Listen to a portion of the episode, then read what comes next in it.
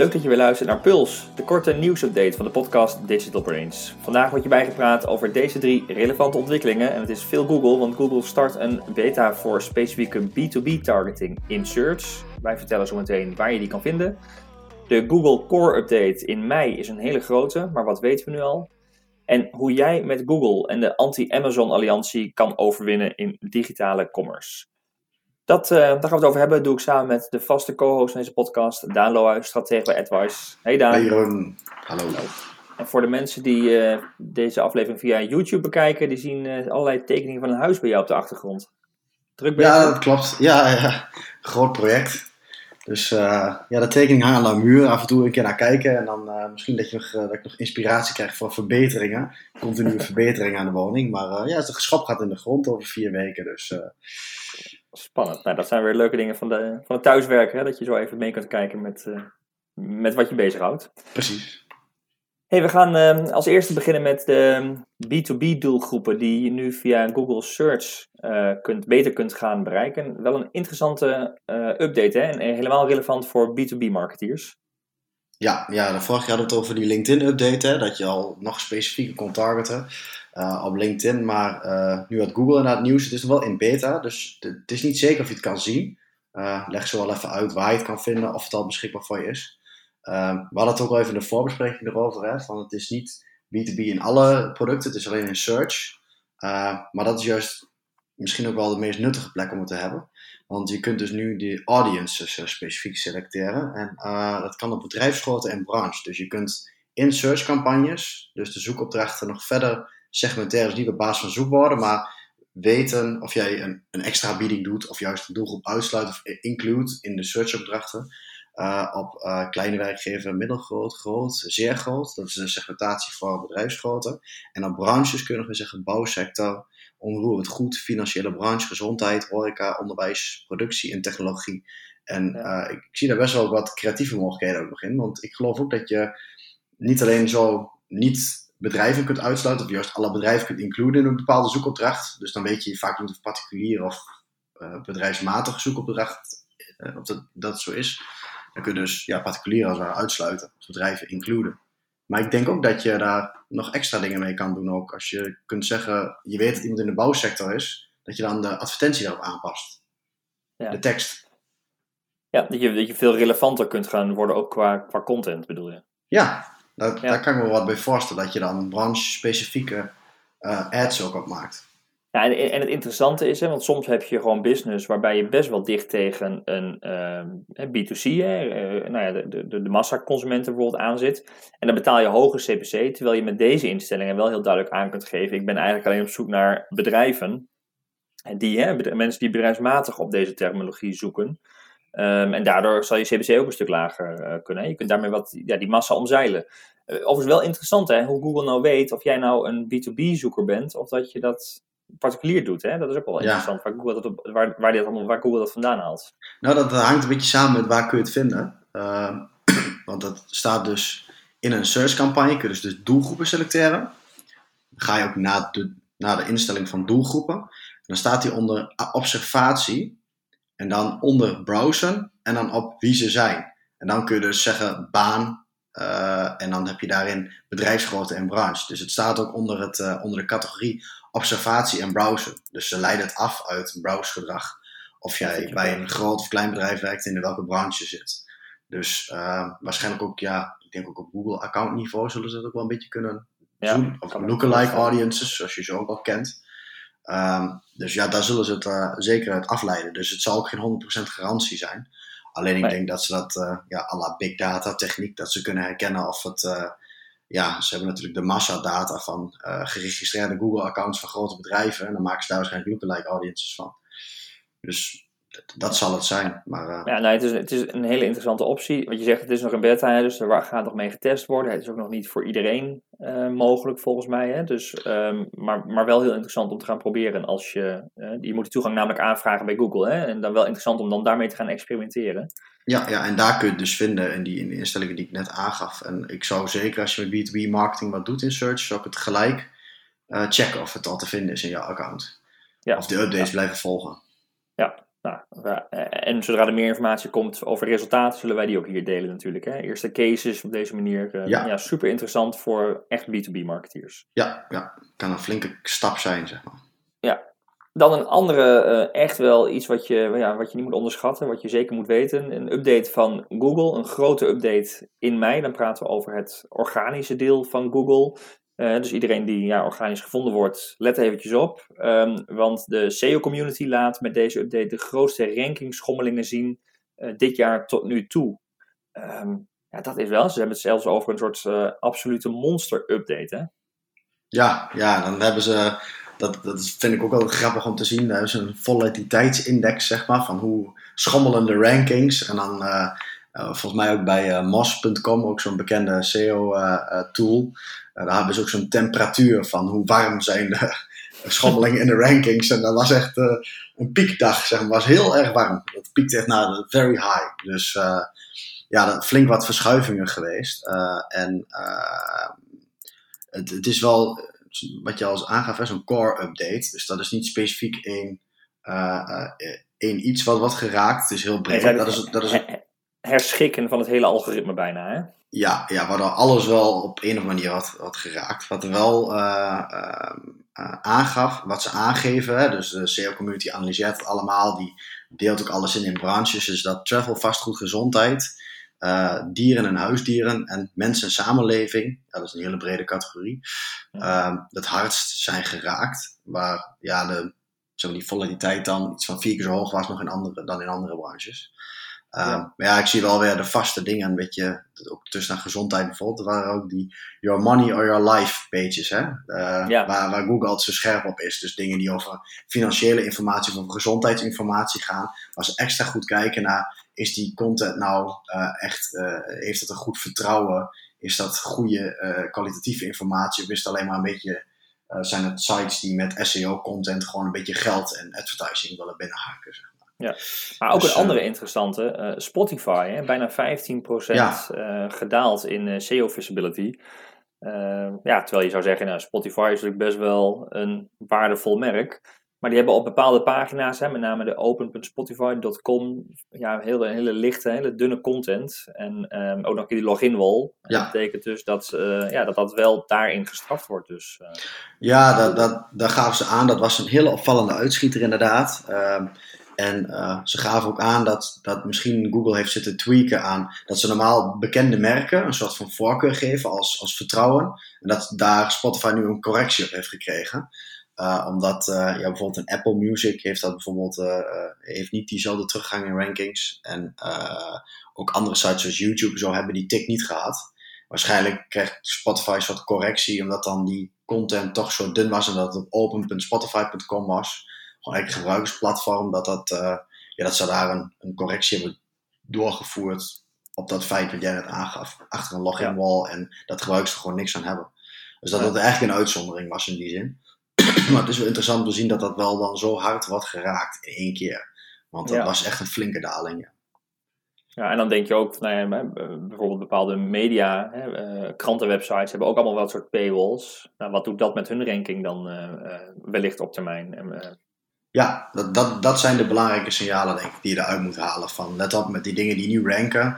Ook als je een eigen website hebt en de content is toch redelijk dun en je uh, die er staat en daar zit een paywall of iets dergelijks voor, ja, dan loop je dus een risico. Ik denk dat dat ook het signaal is. Ja. En, uh, maar het is sinds, even kijken, 4 mei en binnen een paar dagen uh, is het ook wereldwijd uitgerold. Dus ja, ook in Nederland of in Europa, zeg maar, uh, heb je als goed is de invloed er nu van gehad uh, afgelopen ja. week. Dus ja, check even een keer wat er is gebeurd, zou ik zeggen. Inderdaad, mocht je het gemist hebben, ga vooral checken wat het doet met jouw vindbaarheid. En nou ja, anticipeer daar vooral op, voor zover je dat kunt beïnvloeden natuurlijk. Maar het is wel even goed om te kijken wat deze update voor jouw vindbaarheid betekent. Um, andere leuke, leuke ontwikkeling, gewoon even iets om, ook, om goed om te weten en ook even bij stil te staan. Uh, LinkedIn toont vanaf nu geschatte leestijd bij een link die je deelt in LinkedIn. Dus als je een post maakt en je verwijst daarmee naar een website, dan komt erbij te staan leestijd x aantal minuten. Nou, vanuit gebruikersperspectief natuurlijk heel handig dat je weet waar je, welk artikel je gaat lezen. althans, het artikel dat je wil gaan lezen, hoeveel tijd het kost. Maar ook wel een risico, hè? want het kan natuurlijk wel even afschrikken als je in één keer ziet dat dat vijf of misschien wel tien minuten staat, omdat het gewoon een heel erg lang artikel is. Ja. dus Daan, ik denk wel dat het goed is om daar ook als je, dat, als je zo'n link plaatst, ook even over na te denken. Wat doet die tijdsindicatie met mogelijk de interactie van mijn post? Hè? Ja, want ik zie hier ook dat uh, je hebt een screenshot erbij gezet in onze, in onze notities. Uh, en daarbij hem eigenlijk nog aan het maken. En hij, is, hij schat hem wel real-time in. Hè? Dus als je, als je de link erin zet, zie je het direct. Dus dat is even iets om op te letten. Ja. Ik kan me ook voorstellen dat, dat, dat LinkedIn dat misschien een keer verkeerd inschat. Doordat je een artikel post waar nog verder, of een, een, pagina post waar nog veel meer op staat, behalve de kern van dat artikel, dat er dan een hele lange leestijd onder komt te staan, terwijl het feitelijk niet zo is. Ja, ja dus het is goed om even te checken wat, uh, wat jouw minuten, uh, wat, anders wat LinkedIn schat dat jouw artikel per tijd uh, gaat kosten. Ja. Heb je enig idee trouwens? Hoeveel, wat, wat is ongeveer, ik, ik zie even een paragraaf of alinea vormen. Hoe lang, hoeveel leestijd is dat? Er staat hier in dit artikel bijvoorbeeld drie minuten. Hoe lang is dat eigenlijk? Dat besef ik me helemaal niet. Nee, ik, ik, weet ik eigenlijk ook niet. Ik denk dat ergens, ja, we hebben het vaak over artikelen 300 woorden, hè, dat dat een beetje een, een, een, indicatie is. Ik weet niet, ik werk wel bij mezelf. Ik, ik, heb, ik heb veel artikelen op mijn leeslijst. Eh, ik heb bijvoorbeeld een tool als uh, Instapaper of uh, Pocket. En ook die geven verwachte leestijd erbij. En ik merk wel aan mezelf dat ik um, ja, langere artikelen toch wat vaker voor me uitschuif. Ik denk van ja, daar moet ik echt voor gaan zitten. En die korte artikelen, een beetje die snackable content, ja, dat is wel even lekker lezen. Ja, ja ik, ik heb hem even gegoogeld trouwens ondertussen. Uh, Een rustige spreker neemt lekker, of dat is een spreker, uh, zie ik. Maar even kijken. Uh, gemiddeld aantal woorden per minuut. Ja, even kijken. Volgens 100. Is, ja, 100 is inderdaad Staan ja. ook eens zijn. Ja, 100 woorden per minuut. Dus als je zegt 300 woorden in een artikeltje, heb je dus inderdaad die drie minuten uh, ja. uh, te pakken. Dus dat, dat zou een, op zich een goede lengte zijn voor snackable content in de timeline. Als je dat wil posten. Ja. ja. En uh, je hoeft niet per se zelf te gaan timen, dus LinkedIn doet het real-time. Op het moment dat je de link toevoegt in je post, krijg je een getal van LinkedIn.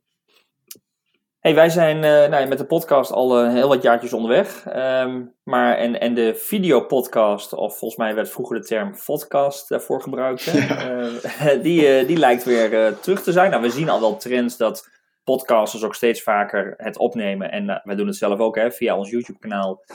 ook aanbieden, met, nou, waarbij je ons ook, ook als gezi onze gezichten kunt zien. Nu van het huis, maar normaal gesproken vanuit ons, onze werkplek. Um, maar Spotify uh, heeft nu, wat eigenlijk, Spotify is bekend eigenlijk alleen maar vanwege audio. Die hebben nu een pilot draaien waarmee ze zo'n podcast of zo'n videopodcast uh, zijn gestart. Uh, met twee YouTube-sterren. Ja, die houden nu een, um, een, een, podcast bij, een videopodcast bij op, uh, op Spotify. En dat is wel interessant, Daan, niet zozeer van de potentie, denk ik, maar vooral waarom Spotify, denk ik, die richting op wil, hè, richting, uh, richting video. Want ze komen daar ook een beetje richting, nou ja, TikTok, YouTube. Terwijl ze best wel heel sterk waren op die niche als audio. Ja, ik geloof ook dat. ik heb ook even gecheckt, want ik was heel benieuwd hoe dat er dan uitzag. En je ziet gewoon een YouTube-player inderdaad. En het is nu voor, uh, uh, voor die, die twee YouTubers dan, ja, Zane Hayishi en Heath Houssa. Nou, succes met uh, de luisteraar die het wil opzoeken. maar, show notes. Ja, ja show notes. Um, de 50% krijgt ook maar die video te zien die ze nu gebruiken. Ja. Dus het zal ook gewoon in de audioplayer zijn. En de ene keer zie je het beeld bij en de andere keer niet. Uh, ik kan me alleen voorstellen dat voor advertising hartstikke interessant is, omdat je uh, natuurlijk visueel veel meer impact hebt. Uh, en, en misschien ook wel um, ja, het idee dat ze dat meer met een YouTube of met de, die, die makers die ook veel met beeld doen, waarvoor Spotify nou helemaal geen interessant platform is, dat ze die ook wellicht willen aantrekken. Want het waren zo twee ja, YouTube-sterren, zeg maar. Ja, die natuurlijk die je wel moet zien, influencers die, die wat, wat hebben met hun beeld en stijl en misschien ook dat, ja, zulke content ook maken, waardoor het interessanter is. Dus ja, ik denk dat het ook even een kwestie is van, ze willen gewoon alles experimenteren en alles proberen.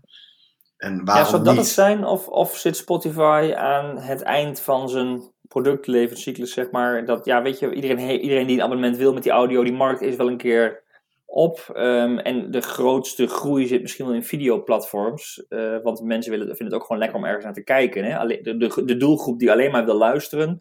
Met name ja. um, als je los van muziek ook gaat kijken naar podcast, dat soort zaken, vlogs, dan wil je vooral gaan kijken. En dat biedt Spotify niet. Dus de grootste groei is misschien wel te, te halen uit het aanbieden van een nieuw soort ja, product, videocontent. Ja.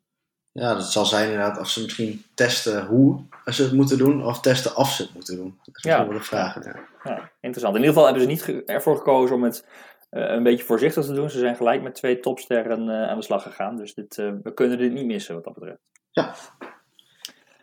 Um, iets leuks. ja, ik word hier wel heel blij van. wel weer van Google. Maar ja, dan denk ik wel van dit, dit gaat weer heel veel frictie oplossen. Google Lens, bekend, hebben we het ook al vaker over gehad. die biedt nu de mogelijkheid om handgeschreven notities te digitaliseren. Dus je scant met je Google Lens, die zit in je, in je in Google app, hè, je algemene Google app volgens mij. Uh, met Google Lens kun je handgescande notities, uh, dus uh, handgeschreven notities scannen. Je kunt selecteren wat je over wil nemen. En dat kan die vervolgens digitaliseren. Ja, geweldig toch? Ja, ik vind het geniaal. Ik gebruik Google Lens steeds vaak. Ik moet zeggen, niet in de Google app. Ik heb hem voor de eerste keer ben ik hem tegengekomen in de Google Foto's app. Want ik gebruik mhm. dan op iPhone en ik gebruik ook Google Foto's als ook fotobibliotheek, zeg maar. Dus ik maak iets en ik gebruik die foto-app van, uh, van Apple zelf nooit. Maar er staat onder ook dat Google Foto's icoontje.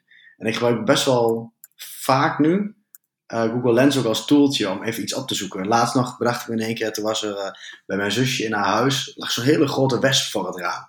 Toen dacht ik van, wat voor ding zou dat nou zijn? Is dat echt een wesp of een Maar toen dacht ik, nou, laat ik Google Lens eens proberen. Dus ik een foto ervan maken. En dan gaf hij inderdaad aan, dan scant hij gewoon dat beest. En dan geeft hij gewoon aan, de Wikipedia-pagina, dit is een hoornaar. Toen dacht ik, oh ja, dat is inderdaad zo'n grote... Okay. Uh, en, en, en hij doet dat ook met andere dingen, met producten die je ziet natuurlijk. En, uh, dus eigenlijk de, de, de, visual search functie, hè? dus je kunt dan uh, visueel zoeken, informatie Precies. opvragen. Ja, ja, ja. dus het is voor een hele hoop dingen nuttig. Maar nu je dat weet, dat, dat tekst herkennen, dat is wel verschrikkelijk makkelijk. Heb je het al getest ook? Nee, zelf? nee ik, ik, ik, ja, ik, gebruik hem ook helemaal niet uh, wat dat betreft Google Lens. Maar ik was wel onder de indruk van de video, hè, de animatie die ze gemaakt hebben in de presentatie van het product. Zullen we ook in de show notes zetten. Als je ziet hoe smooth het daar gaat, hoe goed dat werkt. De vraag is ook nog, steeds, hè, ook nog of de Nederlandse taal, hoe die daarmee omgaat.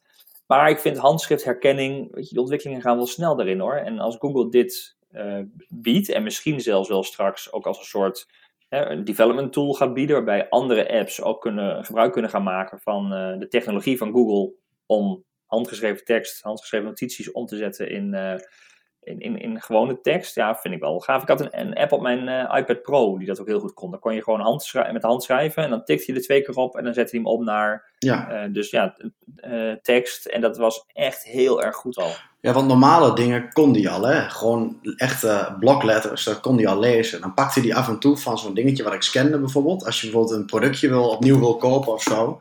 Eh, ik heb hier toevallig een powerbankje nou in mijn hand. Uh, dan kun je gewoon dat type nummer zo scannen. En dan kun je zo zoeken op elke regel die er staat. Dus op het type nummer of, het, uh, of op, op het vermogen bijvoorbeeld. En dan pakt hij zo die zoekresultaten erbij. En ik kan ook, ja. ja, dat is gewoon, ja, je moet even in je gewoonte worden. Maar als je het eenmaal hebt, is het echt super handig.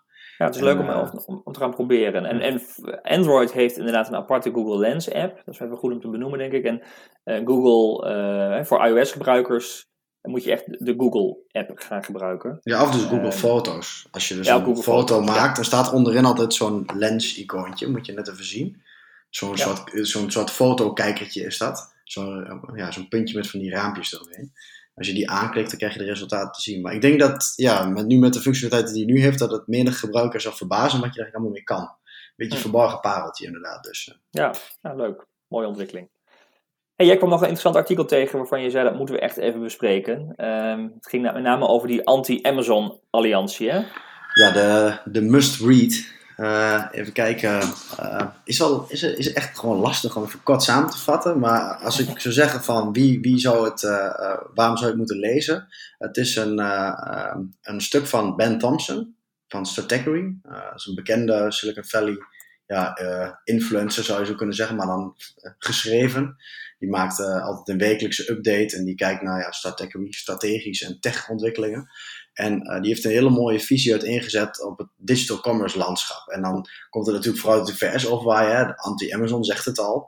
Um, maar uh, hij geeft heel mooi de dynamiek aan. Nou, de, in de oorlog waar wij het ook vaker over hebben. Waar Amazon een hele goede productzoekmachine is. Ehm, en hoe je nou, uh, welke wereld er nog naast Amazon bestaat en hoe die zou kunnen concurreren met Amazon. En dat haakt eigenlijk direct in op uh, de nieuwsupdate van de vorige keer. Google maakt Google Shopping gratis. Um, hij zegt ook gelijk onzin, geen, heeft helemaal niks met corona te maken inderdaad. Het is gewoon een rare inhaak van Google. Dit is gewoon echt omdat ze de oorlog uh, met uh, Amazon moeten winnen. Maar wat hij eigenlijk uh, ja, beschrijft is um, hoe je de klassieke AIDA-funnel om consumenten wakker te maken, dus van attention, interest, desire en action. Um, ja. Hij neemt even een voorbeeld van een Swiffer-advertentie, waar alles in één op is gerold. Uh, van hè, normaal dan vliegt er stof in de rond, dat is de attentiefase. Hm. Interest, ja, stof moet uh, weg, moet niet verplaatst worden, maar moet je opvangen. En uh, de desire van de Swiffer doet dat. En de action zit gelijk. Je kunt het vinden in het schap naast daar en daar. Dus helemaal rond. En wat hij nu eigenlijk aangeeft, uh, is dat dat attention en interest gedeelte nu heel erg bij Facebook ligt in de moderne wereld, natuurlijk. En uh, dat eigenlijk het, het, het, het interest of het desire gedeelte eigenlijk meer in, het, in de Google gedeelte. Dus als je eenmaal producten gaat zoeken. Maar dat Amazon het eigenlijk steeds meer aan het integreren is. Dus uh, eigenlijk ga je op Amazon, word je ook al steeds vaker geïnspireerd. Of uh, krijg je, en, en het hele het action gedeelte zit zelfs in Amazon gebouwd, zeg maar. Dat je dat kan, kan verkopen. En, en, je kunt direct verkopen, ja, of kopen. Ja. Kopen, sorry, ja. En uh, ja, wat ze eigenlijk uh, zeggen, uh, ook met, met Amazon, eh, is dat Amazon een grote macht krijgt. En dat ook die klassieke Procter Gamble merken um, daar een probleem mee krijgen. Omdat dat, dat hele discovery gedeelte, daar, ja, daar moeten ze en Facebook gewoon van betalen. En vervolgens heb je ook nog Amazon, als je het wil verkopen, hebben ze ook de macht van Amazon, waar je dus um, search heel belangrijk gaat zijn. Um, omdat, uh, ja, de, de, normaal stuurt een merk op merkherkenning, zoals met zo'n Swiffer. Uh, dan denk je, oh ja, dat herken ik, dat Swiffer. En het hele schap wordt gedomineerd. Maar dat vervalt eigenlijk beide bij Amazon. Um, ja. Je moet echt een merk in gaan typen. Dus je moet niet alleen merkherkenning hebben. Je moet echt uh, een merk um, echt op kunnen roepen. De, hoe noem je dat ook weer? Niet de merkherkenning. Ja, maar, je hebt, je hebt actieve, of geholpen merkbekendheid ja, of actieve. exact. Oh, niet geholpen, ja. Niet geholpen merkbekendheid. Je moet gewoon kunnen zeggen, ik zoek die Swiffer. Uh, als je dat even niet weet, dus je, je moet veel meer campagnes uitvoeren. Uh, en als, uh, als je dat niet doet, dan zou je dus bijvoorbeeld op stafdoekjes heel hoog moeten ranken. En dan moet je al de bestseller zijn. En, en een schap domineren, dat kan ook niet langer. Je kunt niet elke winkel volleggen, want ja, Amazon is oneindig groot als het ware. Dus je moet domineren in search. En dat is wel een, een, heel groot verschil. En wat hij eigenlijk heel mooi beschrijft ook daarna, is van ja, wat, wat kun je er nou tegen doen? Als groot merk, maar ook als klein merk is um, ja, nu Google weer dat ook open heeft gesteld. Ook via Google mooi die, uh, heb je die zoekresultaten nog. Uh, dat je via Facebook eigenlijk ook de, de, vraag op kunt wekken, maar dat je ook met een, een Shopify, uh, payment providers en derde partij logistieken, zeg maar, dat dat wel steeds verder op elkaar inspeelt. Wat Shopify en WooCommerce bijvoorbeeld, die, die, die platform hebben gezegd, die willen ook graag weer integreren nu met Google. En Google heeft ook menu met één klik kun je een Shopify shop toevoegen uh, als feed in Google Shopping. Dus die gaan ook echt maar, samen partneren. En dat is een beetje dat effect wat je nu ziet. Maar zegt Ben daarmee dus inderdaad van het is um, waar, waar, normaal eh, Amazon als enige oplossing hè, bleek, want daar kwam alles samen, zijn er nu allerlei tools en platforms omheen die het ook allemaal veel makkelijker maken om het toch wat meer de regie zelf te houden en niet te veel afhankelijk te worden van Amazon. Er zijn goede alternatieven naast Amazon. Is dat ja, en hij ziet, hij ziet ook dat ze gaan samenwerken langzaam aan, zeg ja, ja. maar. Dat, dat je nu ontstaat en uh, laatst... Dat is de alliantie. Uh, ja. precies. Dat hij zegt van Shopify, waar je eigenlijk een, een, een voorkant winkel, de storefront kunt bouwen, zeg maar. Um, dat, dat, daar helpen ze, ja, in Google, die gaan nu als het ware echt samenwerken, omdat ze die feeds met elkaar combineren. Dus ze, ze, zien ook, ja, ze hebben elkaar nodig om de strijd tegen Amazon te winnen. En uh, vanmiddag gaf, uh, ik had het uh, ook doorgestuurd naar Thijs, onze innovatie-guru, zeker ja. gebied van e-commerce. En hij gaf ook nog aan, ja, dat zie je. Facebook probeert de andere kant eigenlijk ook aan te vallen. Hè? Nou, met uh, Facebook Marketplace heb je al. Dat noemden we laatst al een beetje de community voor uh, buurtmoeders, zeg maar. wat, uh, wat natuurlijk op zich wel, waar al veel gebeurt. Um, maar ook direct afrekenen in Instagram en zo. Dat, dat ze daar ja. vanaf die kant, ja, je gaat niet zoeken naar producten, maar er zit wel heel veel product discovery, dat social commerce eigenlijk gedeelte. waar ook veel geïntegreerd wordt. Dus. Um, ook een reden om als ja, in het digital commerce landschap nu ja, echt zie je die meerdere lijnen ontstaan. Van dus een Amazon die alles integreert, waar je je product gewoon op kan zetten en op commissiebasis kan verkopen, waar je tegenwoordig ook kunt advertisen. Je hebt dan eigenlijk die Google, die ook probeert natuurlijk alles te integreren, waar je dus ook een stack kunt creëren door middel van ja, een eigen uh, webshop, bijvoorbeeld op een Shopify WooCommerce, met een eigen afrekenpartij, een eigen logistiekpartij. Dat je op Facebook en Instagram dus via dat social commerce direct een product in kan haken zonder dat er wat gezocht en het snel kan afrekenen. Dat er echt meerdere lijnen ontstaan. Ja, er is meer dan alleen Amazon. En denk daar goed over na. Uh, bedenk, hè, zorg dat je daar een sterke visie op hebt. En op basis van de juiste inzichten dit soort keuzes maakt om in het digital commerce landschap echt wel uh, ja, op, op, de goede manier aanwezig te zijn. Ja, en het artikel gaat nog ja, een stuk dieper daarop in. En uh, ze schrijven dat heel mooi scherp uit. Dus wat dat betreft interessant te lezen. We gaan hem in de show notes plaatsen. Um, en dat, daarmee laten we het ook voor nu aan. Um, de show notes van deze aflevering vind je op advice.nl slash podcast. En heb je tips, vragen, reacties of ideeën voor onze podcast? Laat het dan weten via podcast.advice.nl. En wil je trouwens nieuwe afleveringen niet missen? Abonneer je dan in je favoriete podcast app of via Spotify of YouTube op onze podcast. Voor nu bedankt voor het luisteren en heel graag tot de volgende aflevering.